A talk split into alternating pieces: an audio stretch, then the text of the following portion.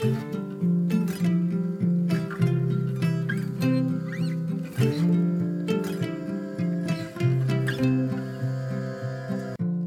och välkommen till For Health med Anna Sparre! Idag ska vi prata om magsyra och sanningen om sura uppstötningar. Vad är egentligen magsyran till för?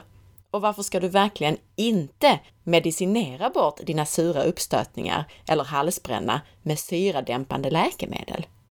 Vad har olika magproblem som infektioner, dålig matsmältning eller IBS för relation till magsyra? Och hur vet du om du har tillräckligt med magsyra? Det är några av de saker som vi ska prata om idag. Men först tänkte jag påminna dig om att du kan boka mig som föreläsare, både till event för privatpersoner och till ditt företag. Jag vill också gärna att du lämnar din recension av podcasten i iTunes eller i din podcastapp. Och tänk på att om du redan prenumererar på podden så behöver du söka fram podcasten på nytt för att lämna ett betyg eller recension. Alltså du gör det inte under Mina podcaster, utan du söker fram podden på nytt i din telefon med hjälp av sökfunktionen. Och där kan du välja recensioner.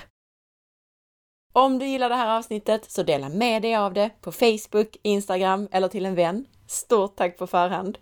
Och är du nyfiken efter avsnittet så hittar du som vanligt mer information på forhealth.se.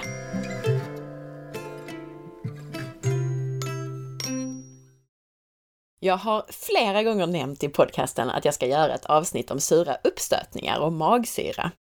Och nu är det äntligen dags! Och äntligen så är det dags för mig att göra ett eget avsnitt där jag själv berättar och förklarar. Under våren här så har det ju nästan bara varit intervjuer med andra. Brist på magsyra i magsäcken, det är en vanlig orsak till magbesvär. Det kan ge infektioner av skadliga mikrober, det kan ge överväxt av bakterier, bland annat SIBO som vi har pratat om i avsnitt 77. Och det kan ge sura uppstötningar. Tillräckligt med magsyra är avgörande för att vår matsmältning ska fungera på rätt sätt. När man pratar om magsyra så tror många att för mycket magsyra kan orsaka halsbränna eller sura uppstötningar. Men att ha för mycket magsyra är egentligen väldigt ovanligt Ofta så är det tvärtom, brist på magsyra som ger halsbränna och även andra besvär. Enkelt så kan man säga att om du inte är tillräckligt sur så kan maten inte brytas ner ordentligt och då skickar kroppen ibland upp den igen. Det är alltså högst olämpligt att medicinera bort de här symptomen med läkemedel som minskar din magsyra ännu mer. Men du behöver inte ha sura uppstötningar för att ha brist på magsyra. Andra följder och symptom kan vara saker som ballongmage, alltså att man har en svullen och gasig mage, att man har gaser och rapar, infektion av parasiter, gästsvamp eller bakterier, överväxt av bakterier, som SIBO då till exempel, halsbränna och sura uppstötningar som sagt, att du har svårt att smälta eller inte tycker om proteinrik mat som till exempel kött. Och näringsbrister är också en vanlig följd av för lite magsyra. Har du sådana här symptom eller andra symptom från din mage och tarm så rekommenderar jag dig att både lyssna vidare och att testa din tarmflora och mage. Och du hittar tester via hälsotester på forhealth.se. Vi ska vara extremt sura i magen. Vi pratar om att magsyran, eller magsaften, har ett pH på runt 1,5 till 2, vilket är extremt surt. Magsyran behövs för att kunna bryta ner maten vi äter och den fungerar också som ett försvar för att döda bakterier och parasiter som kan komma till exempel med maten vi äter. Men med åldern, med stress och med näringsbrister så kan det bli så att vi tillverkar allt mindre syra i magsäcken. Och magsyran är som sagt viktig för nedbrytningen av maten. Framför allt av protein eftersom den aktiverar enzymet pepsin. Om vi har för lite magsyra, eller om magsyran inte är tillräckligt sur, så kommer mindre av proteinet vi äter att brytas ner till aminosyror. Och aminosyror är ju det som vi tar upp ur tarmen av proteinet, alltså det är ju proteinets byggstenar. Och det här ska sen då ut i blodet och sen ska vi använda det som byggstenar till det mesta i kroppen. Så brist på aminosyror för att vi inte har brutit ner det som det ska, det kan ge väldigt många besvär.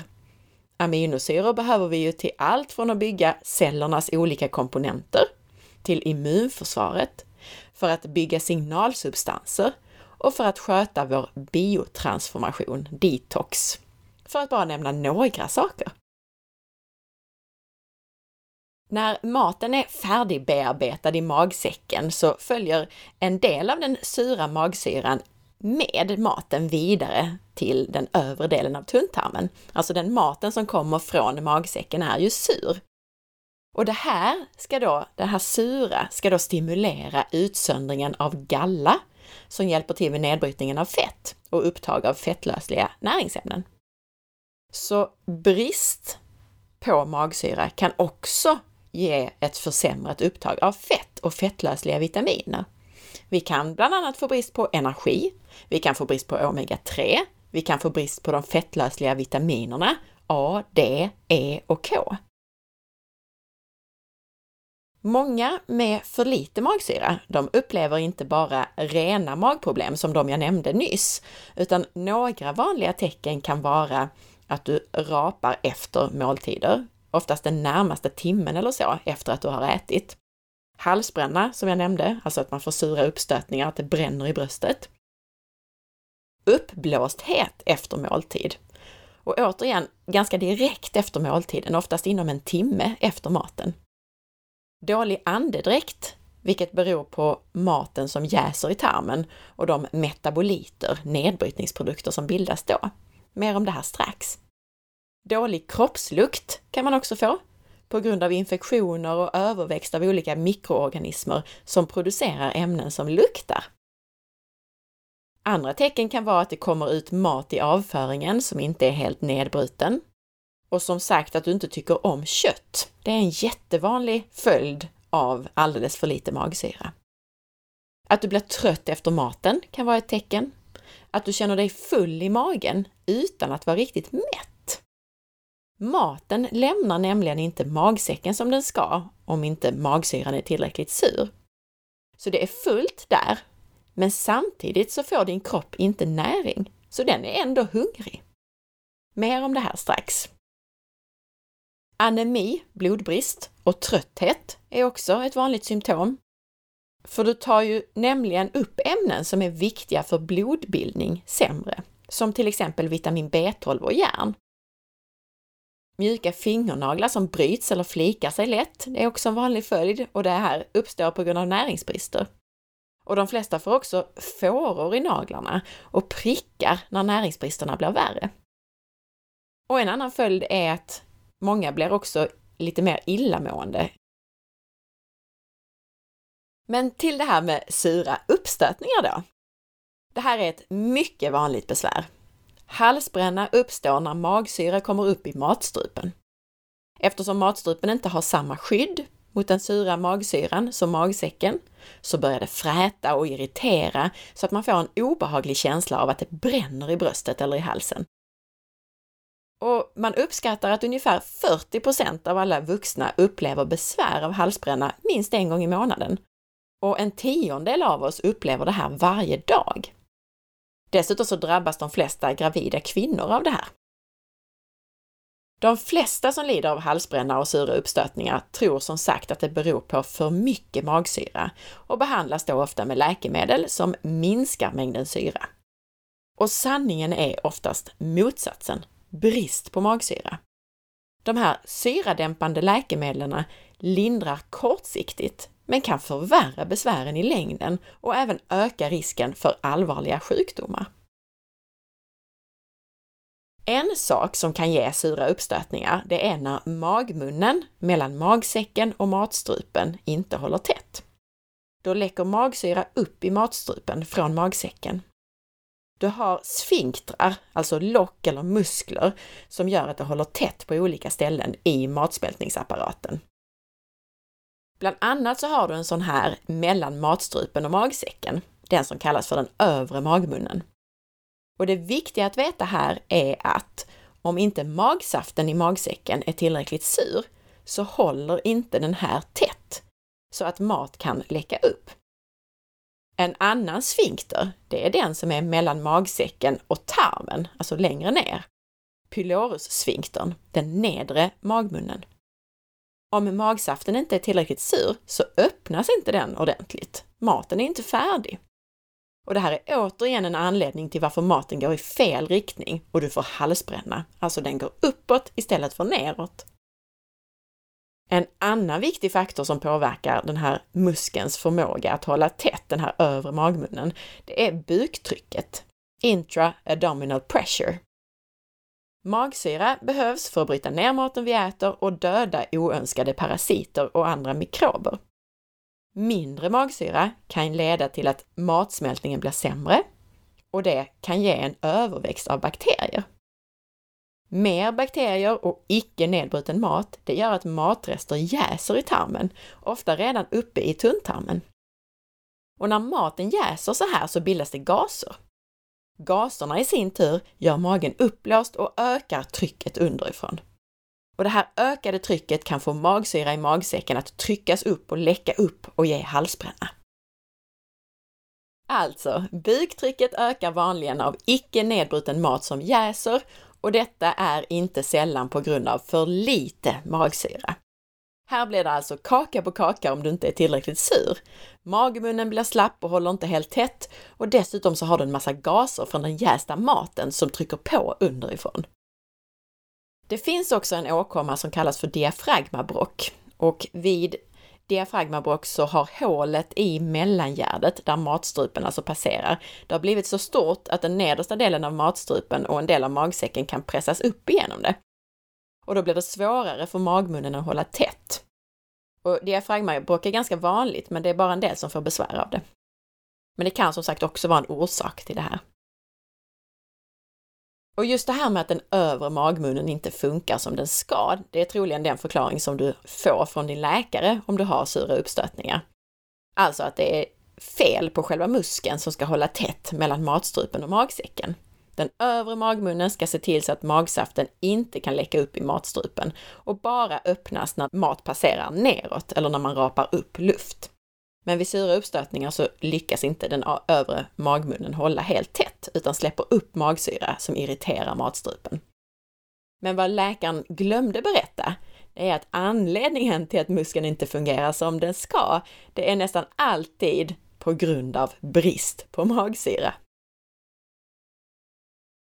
Helicobacter pylori, magsårsbakterien, det är en mycket vanlig bakterie som smittar extremt lätt och troligen finns i nästan halva jordens befolkning.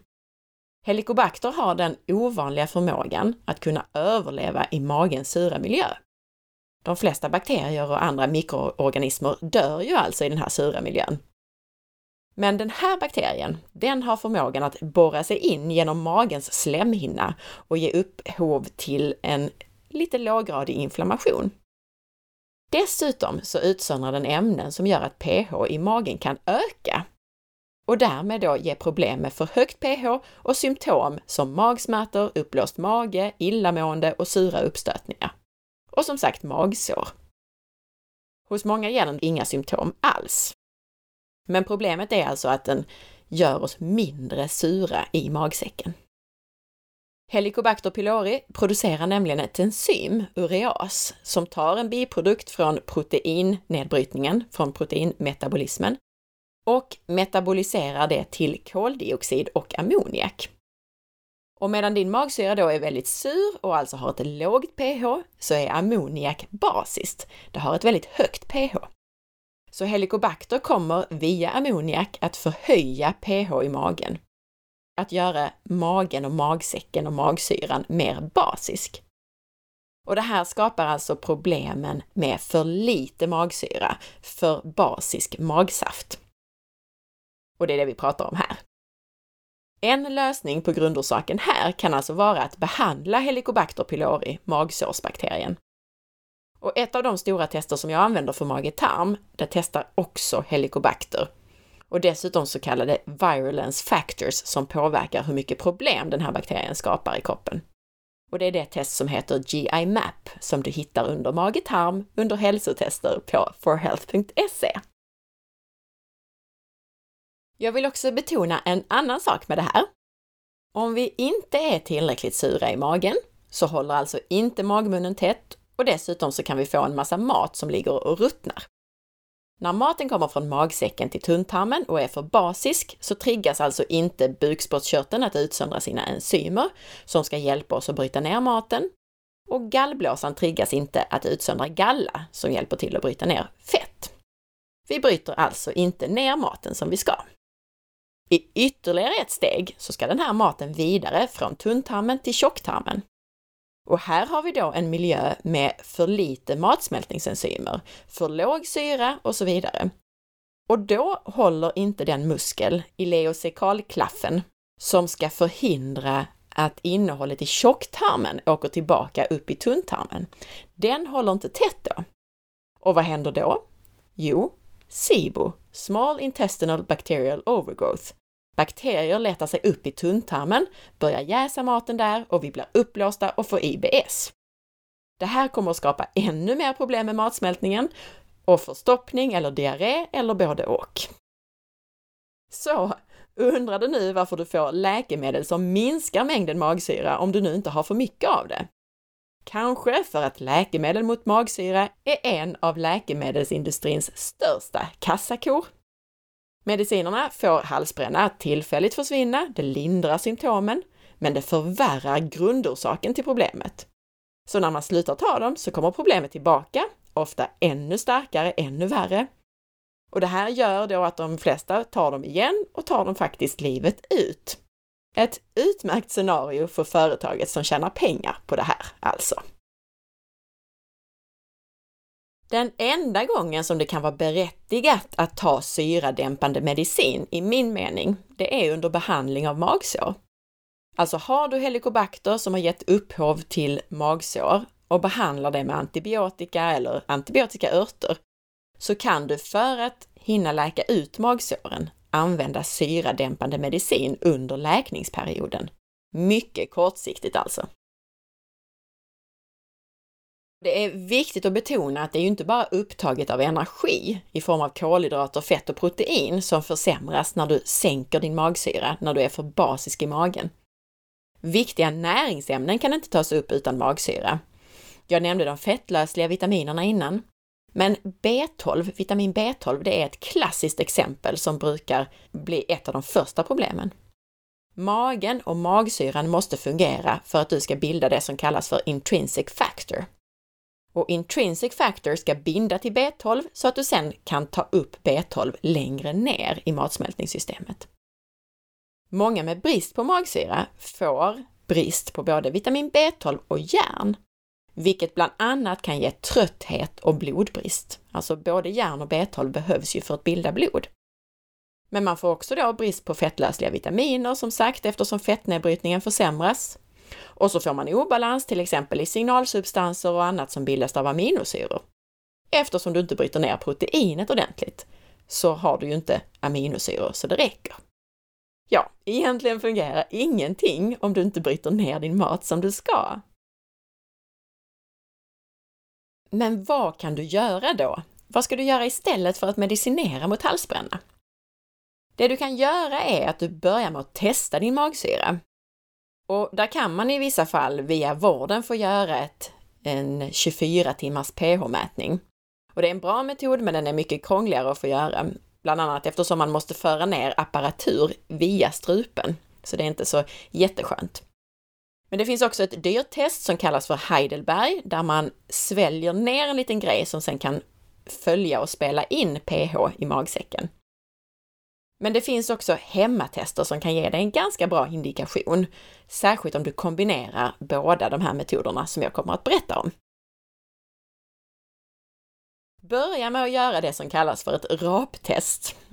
Och om det verkar på det här testet som att du har brist på magsyra, saltsyra eller HCl som det också heter, så fortsätt då genom att testa med saltsyratillskott.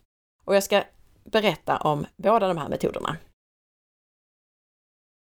Så nummer ett, testa din magsyra med bikarbonat.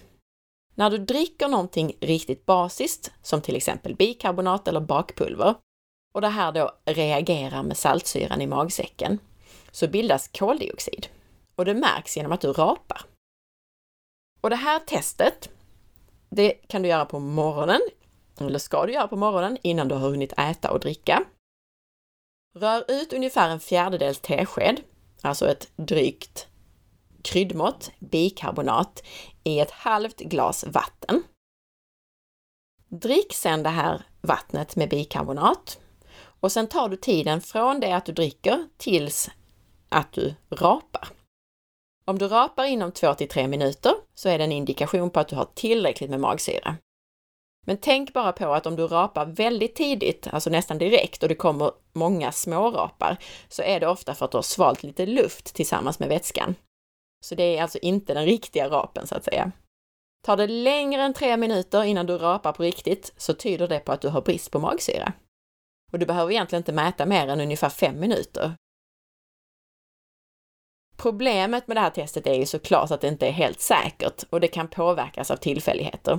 Så det kan vara bra att göra det flera gånger. Jag rekommenderar alltså att man gör det flera dagar, till exempel tre månader i rad. Om du misstänker brist på magsyra, du gör det här raptestet och det verkar som att du har brist, så gå vidare och testa med tillskott av saltsyra, HCl. Och det här testet gör du då med saltsyratillskott. HCl är alltså saltsyra, det som din kropp producerar och som gör magsyran sur. Och saltsyra kan du köpa som tillskott. Så när du gör det här testet så tar du en kapsel av saltsyra, HCl, på ungefär 500 milligram till en proteinrik måltid. Och du tar den mitt i måltiden. Du tar den alltså inte före maten, för då bränner det ofta till. Och du tar den inte efter, för då kan den här syran komma upp som sura uppstötningar, utan mitt i måltiden. Har du brist på magsyra och tar tillskott av saltsyra till en proteinrik måltid, så kommer du antagligen inte att märka någonting. Eller möjligen så känns magen bättre än vanligt. Är det så här så kan du även gå vidare och nästa måltid testa att lägga till ytterligare en kapsel saltsyra. Så du tar alltså två kapslar vid nästa måltid. Och så här kan du öka tills dess att du känner obehag. För då vet du att du har tagit för mycket och då behöver du backa, ofta en eller två kapslar i dos. Har du tillräckligt med magsyra så kommer tillskottet att ge en lätt obehagskänsla i bröst, hals eller mage. Man kan känna symptom som att det bränner eller värmer eller känns lite obehagligt i övre delen av magen. Och känner du det så kan du snabbt neutralisera det genom att dricka vatten med lite bikarbonat i. Eller så kan du dricka lite mjölk eller ta lite kalcium och eller magnesium. Allt det här är basiskt och neutraliserar alltså magsyran. Upprepa gärna det här testet ett par gånger, även detta då, för att få ett säkrare resultat. Och var också noga med att äta tillräckligt med protein vid måltiden. För det är ju framför allt för att bryta ner protein som du behöver den här saltsyran. Så visar de här testerna att du har för lite magsyra så är lösningen i de flesta fall att ta tillskott av saltsyra, HCl alltså, till dina större måltider som innehåller animaliskt protein. Ta alltså kapseln i mitten av måltiden. Om du inte har så stor brist så kan du också använda dig av äppelcidervinäger eller någonting annat surt. Helst då opastöriserad äppelcidervinäger eftersom den dessutom innehåller en del enzymer som kan vara till hjälp för matsmältningen. Du kan alltså använda en matsked äppelcidervinäger i vatten eller på salladen till maten. Eller så kan du pressa till exempel en halv citron i lite vatten som du dricker innan eller till måltiden. I en del fall så är matsmältningsapparaten så illa däran att du kan behöva vänta lite med saltsyratillskott. Det är ju ganska skarpt. Har du stora problem med din mage och tarmslemhinnan så rekommenderar jag dig att ta hjälp av någon gärna någon med funktionsmedicinsk utbildning. Och i många fall så kan det vara så att det är bra att börja med bara tillskott av matsmältningsenzymer. Och en del tillskott som kan hjälpa till att läka och lugna tarmen, vilket kan vara saker som fettlösliga vitaminer, glutamin, kersetin, kurkumin, aloe vera, kolostrum, nukleotider, rätt sorts probiotika och så vidare. Därefter så kan man sedan lägga till citron eller äppelcidervinäger till maten. Och sen när tarmen mår lite bättre så kan man börja med saltsyra. Tänk också på att vara försiktig med antiinflammatoriska läkemedel som aspirin eller ibuprofen eftersom de här kan skada tarmslemhinnan och då kan tillskott av saltsyra irritera ytterligare. Så vad kan du då göra istället för att medicinera mot halsbränna? Först och främst, som vanligt, ät näringstät mat och ät lågkolhydratkost. En av de bidragande orsakerna till halsbränna är överväxt av bakterier som bland annat jäser kolhydrater i tarmen, vilket alltså ökar buktrycket.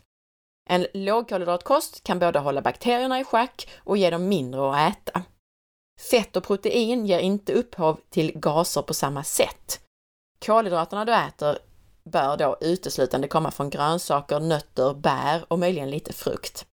Alltså kolhydraterna ska komma från extremt näringstät mat eftersom det samtidigt ger vitaminer och mineraler och en del fibrer för de bakterier som du faktiskt vill behålla. De som befinner sig i tjocktarmen.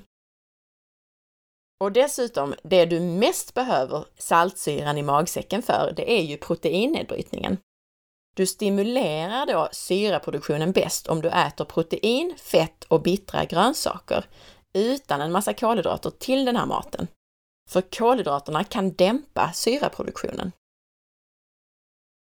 Och näringstät mat behöver du också för din produktion av magsyra eftersom mikronäringsämnen som mineralet zink till exempel och B-vitaminer, särskilt vitamin B1, tiamin, behövs för produktionen av magsyra. Zink det får du bäst i dig från animaliska proteinrika livsmedel eller från frön, särskilt pumpakärnor. B-vitaminer finns i det mesta, men äter man mycket socker och annan processad mat så kan man få för lite.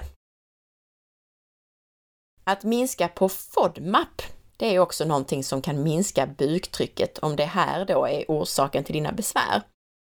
Och FODMAP lär du dig om i avsnitt 76. Men i korthet så är det en variant av lågkolhydratkost där du också är uppmärksam på en del nyttigare livsmedel som hos många med bakterieöverväxt ökar jäsningen i tunntarmen. Så då undviker man alltså dem och på så sätt kan man minska gaserna och buktrycket och därmed då minska halsbrännan. Och det kanske viktigaste du bör göra vid halsbränna, det är att ta tillskott som stärker matsmältningen. Har du brist på magsyra eller enzymer så bryts alltså inte maten ner fullständigt, vilket är det som ger dig symptom. Det handlar alltså om att ta saltsyra, HCl, och matsmältningsenzymer, som jag nämnde tidigare. Och många behöver alltså ta mer än en kapsel med saltsyra till varje stor måltid. Och det bästa är alltså att prova dig fram att öka dosen med en tablett per måltid tills du känner obehag i form av till exempel en värmande eller brännande känsla. Och när du känner obehag så backar du en till två kapslar och så ligger du troligen på en vettig nivå. Och kommer du väldigt långt upp, alltså kommer du upp över 4 till 5 kapslar, så var försiktig och utvärdera gärna det här tillsammans med en läkare eller annan behandlare. För det här är ju en stark syra, så vi vill inte ha för mycket och istället skapa sår i övre delen av tunntarmen eller liknande. Du kan också stimulera den naturliga produktionen av magsyra. Och en av de viktigaste sakerna för det här är återhämtning. Stressreducering alltså. För, för att matsmältningen ska funka så behövs aktivering av det parasympatiska nervsystemet. Och lyssna gärna på de tidigare avsnitten på det här ämnet. Det finns avsnitt till exempel om mindfulness som avsnitt 42 och 122. Och så avsnittet om vagusnerven, det populära avsnittet 164. Du kan också stimulera produktionen av magsyra med salt och med bitterämnen. Salt alltså vanligt salt som du äter, består till största delen av natrium och klor, natriumklorid, NaCl. Saltsyran, HCl, som vår mage tillverkar, består i sin tur av väte och just klor, Cl. Och för att kunna tillverka saltsyran så behöver vi alltså tillräckligt med salt i vår kost. Välj då helst ett bra mineralrikt salt som också ger dig andra mineraler, alltså ett sånt här rosa härligt Himalayasalt eller ett oraffinerat havssalt som har kvar mineraler och spårämnen. Bitterämnen är någonting som vår kost är väldigt fattig på idag. Växter innehåller naturligt mycket bitterämnen, men de här blaskiga grönsakerna som vi ofta köper i affären, de är förädlade för att innehålla mindre bitterämnen. Tyvärr! För de här är så viktiga ur många perspektiv. Bland annat för matsmältningen, men också för att hålla vårt immunförsvar i schack. Ofta när jag föreläser så låter jag deltagarna smaka på mat som inte kommer från affären. Alltså kirskål och maskros till exempel. Då känner man snabbt att de har kvar bitterämnen i större utsträckning än till exempel salladen från ICA. Och det du kan göra här är dels att välja bittra grönsaker som rucola, örter och brysselkål när du handlar. Eller varför inte plocka själv kirskål och maskros till exempel. Du kan också ta tillskott av bitterblandningar. Det finns till exempel det här som kallas för svensk bitter, Swedish bitters, som är en blandning av olika örter och växter som traditionellt har använts för att stötta matsmältningen. Och en del av de här örterna kan stimulera bildningen av magsyra. Bitterämnen stimulerar dessutom produktionen av galla och hjälper därför till att bryta ner fett. Specifika örter och växter som du kan använda dig av och som är bra för att stimulera magsyra är annars ingefära, pepparmynta, anis, kardemumma och koriander. Så ät mer av den här fantastiska maten! Rätt form av probiotika kan också hjälpa. Genom att tillföra goda bakterier kan vi hjälpa till att tränga undan de sämre bakterierna som orsakar besvär. Vad är då rätt form, undrar en del? Ja, det beror lite på hur din tarmflora ser ut. Jag rekommenderar alltid att testa din tarmflora först. Men fermenterad mat som surkål, kimchi och kefir, eller kefir, är mat som innehåller ett brett spektrum av goda bakterier. Och lyssna gärna på tidigare avsnitt på det här temat. Det finns massor. Om du vill lära dig om syrad mat så kan du till exempel lyssna på avsnitt 105 eller 133 och 134. Vill du lära dig om tarmflora generellt så lyssna på 44, 46, 51, 80, 109 och avsnitt 128. Men tillbaka till halsbrännan. Undvik också helst alkohol, kaffe och hårdstekt mat. Och även citrusfrukter och nikotin verkar ingå i de livsmedel eller produkter som kan irritera och eller försvaga den övre magmunnen. Alkohol, kaffe och nikotin just verkar kunna särskilt att försvaga den här muskeln. Och dessutom så är det irriterande för slemhinnan i mage och tarm. En del hävdar att du bör undvika stora måltider om du har sura uppstötningar, att äta mindre och oftare. Och det kan man ju göra till en början. Men det här beror egentligen på orsaken till dina sura uppstötningar. För handlar det om att du har SIBO, alltså överväxt av bakterier, så brukar det vara bättre att låta det gå minst 4 till 5 timmar mellan måltiderna, så att man inte småäter däremellan.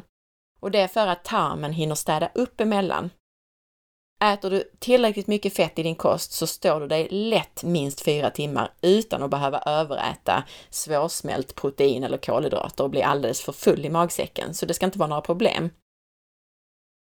Det som är med stora måltider, det är ju att de fyller upp magsäcken mer. Ju mer magsäcken fylls upp, desto lättare blir det att något av innehållet slinker upp och ger sura uppstötningar. Men som sagt, mer fett i kosten så behöver du inte fylla magsäcken så mycket och håller dig ändå mätt så att du kan vänta 4-5 timmar innan du äter nästa gång. Det finns också en tydlig koppling mellan övervikt och halsbränna. De som är överviktiga, de har oftare besvär med sura uppstötningar. Och bland annat beror det på att övervikten lägger ett extra tryck på magen. Så att minska sin vikt kan därför hjälpa till att även minska besvär med halsbränna. Och det är ju egentligen samma sak som vi pratade om här innan, att äta en näringsrik lågkolhydratkost som brukar vara lösningen för att kunna gå ner i vikt. Och i en del fall så handlar det om att grundorsaken till halsbränna och övervikt kan gå hand i hand. Alltså fel mat som ger överväxt av bakterier och för lite näringsämnen för att stimulera bildningen av magsyra och andra viktiga ämnen för matsmältningen. Samma mat alltså som stimulerar insulin och fettinlagring. Det är alltså samma mat som kan ge brist på magsyra som kan ge övervikt i vissa fall. När det gäller träning så kan man tänka på att löpning ofta förvärrar besvären av just halsbränna eftersom löpning då får magsäcken och innehållet att skumpa lite mer upp och ner och det här verkar öka risken för att magsyra ska läcka upp i matstrupen. Så promenader och styrketräning fungerar generellt bättre. Däremot så kan tunga, riktigt tunga styrkeövningar som kräver ett ökat buktryck vara problematiskt för den som har stora problem med halsbränna. Så att det kanske man får vänta med tills man har gjort allt det här andra och kommit till rätta med sina problem. För det är ju så att när man lyfter tungt så måste man spänna bålen och öka det inre buktrycket. Och det här kan få magsyra att åka upp i halsen och irritera. Så vänta alltså tills dina symptom har blivit bättre, för i övrigt så är tung styrketräning extremt nyttigt. Mer luft och andra gaser i magen kan också bidra till halsbränna genom ökat buktryck och mer rapande. Tuggummituggande är en sån här sak. Det kan ge problem för att man sväljer mer luft. Och kolsyra definitivt. Och dessutom när vi pratar mycket samtidigt som vi äter så sväljer vi faktiskt mer luft. Så ta en mindful måltid, använd dina sinnen och prata mindre medan du tuggar, så blir det mindre luft i magen. Så mindre tuggummi, mindre kolsyra och prata mellan tuggorna. Du kan också tänka på att dricka ditt vatten mellan måltiderna hellre än till maten. För mycket vatten till måltiden, det späder nämligen ut magsyran och då försämras matsmältningen. Alltså det blir ännu mindre surt så att säga. Och dessutom så fyller vattnet upp magsäcken ännu mer så att det lättare läcker upp i matstrupen. Och så en av de allra viktigaste sakerna, tugga ordentligt och ät din mat i lugn och ro. Summerat alltså, var väldigt kritisk till läkemedel som dämpar sura uppstötningar. Halsbränna och många andra problem med matsmältningsapparaten beror nästan alltid på för lite magsyra, inte för mycket. För lite magsyra gör att du bryter ner maten sämre, vilket gör att du kan få näringsbrister, inte minst protein och mineralbrister. Det här i sin tur gör att du får för lite näringsämnen för att producera magsyra och du bryter ner maten ännu sämre. En ond spiral alltså. Dessutom så blir ju ditt skydd mot infektioner sämre om magen inte är tillräckligt sur. Så summa summarum, var väldigt kritisk till syradämpande läkemedel och tänk på att väldigt, väldigt många av oss, särskilt när vi kommer upp i åren eller när vi har stressat mycket genom livet, vi har brist på magsyra.